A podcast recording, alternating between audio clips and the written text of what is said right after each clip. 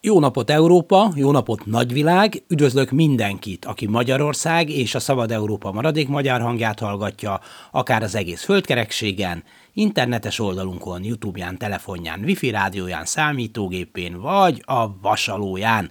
Jogunk van szólni, Dési János vagyok, örülök, hogy ma is velünk tartotok. Szerkesztőtársam, Vénagy Gyöngyi. Miért nem sikeres a bátor pedagógusok mozgalma? Nézzünk egy példát. A Kiskunmalsai Tomori Pál Katolikus Gimnázium, Technikum és Kollégium épületében 15 fok volt a múlt héten. A hírek szerint az egyházi föntartású iskola igazgatója elkobozta a diákoktól a hőmérőket, egyúttal megtiltották a gyerekeknek, hogy kabátot vegyenek fel, mert az igazgató szerint most a tornacipőhöz, a bokavillantós nadrághoz és a szakított farmer nadrághoz pólóra vennék a kabátot. Amiből így első villantásra úgy tűnik, a Kiskunmajsai Tomori Pál katolikus gimnázium, technikum és kollégium igazgatója tökkel ütött hülyéknek nézi a diákjait, akik még felöltözni sem képesek. Érdekes, hogy a retrográd pedagógia egyik jellemzője, hogy a diákok hajviseletébe, öltözködésébe kívánnak beleszólni. A fehér nyakkendő még kötelező volt. Idősebbeknek ott volt a hosszú hajtilalma.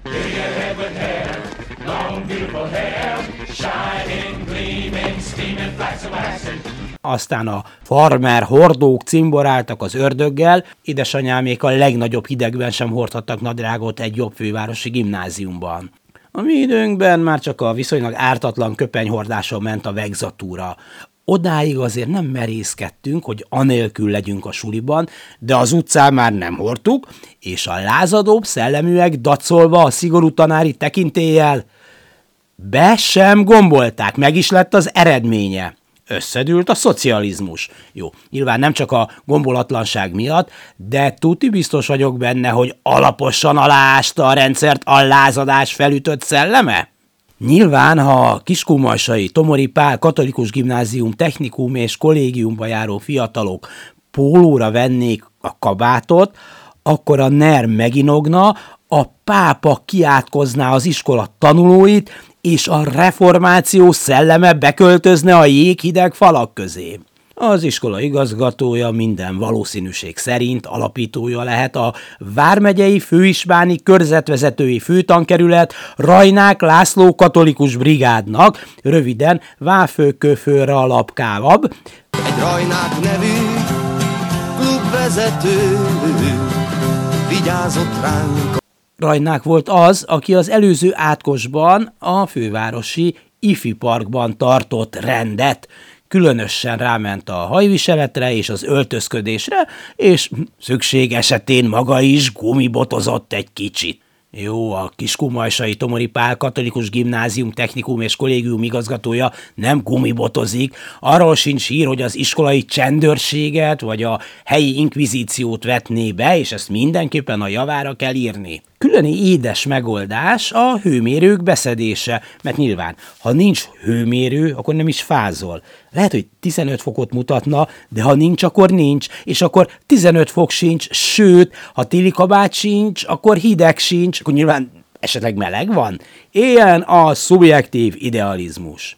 Az iskolaigazgató persze gondoskodhatna arról, hogy legyen melegebb, reklamálhatna, Kérhetne segítséget az egyháztól, a püspöktől, a pápától, az érsektől, a primástól. Az egyháztól, amely egyébként az államtól három-négyszeres fejpénzt szokott kapni az állami iskolákéhoz képest. Tábortüzet rakathatna a használhatatlan tankönyvekből. Szénszünettel próbálkozhatna, és ráteríthetné a meleg kabátját arra a tanulóra, akinek csak egy vékony felöltőre futotta. De nem, neki az ellenfelei a diákok, azokat kell legyakni, meghallotta a korszellemet.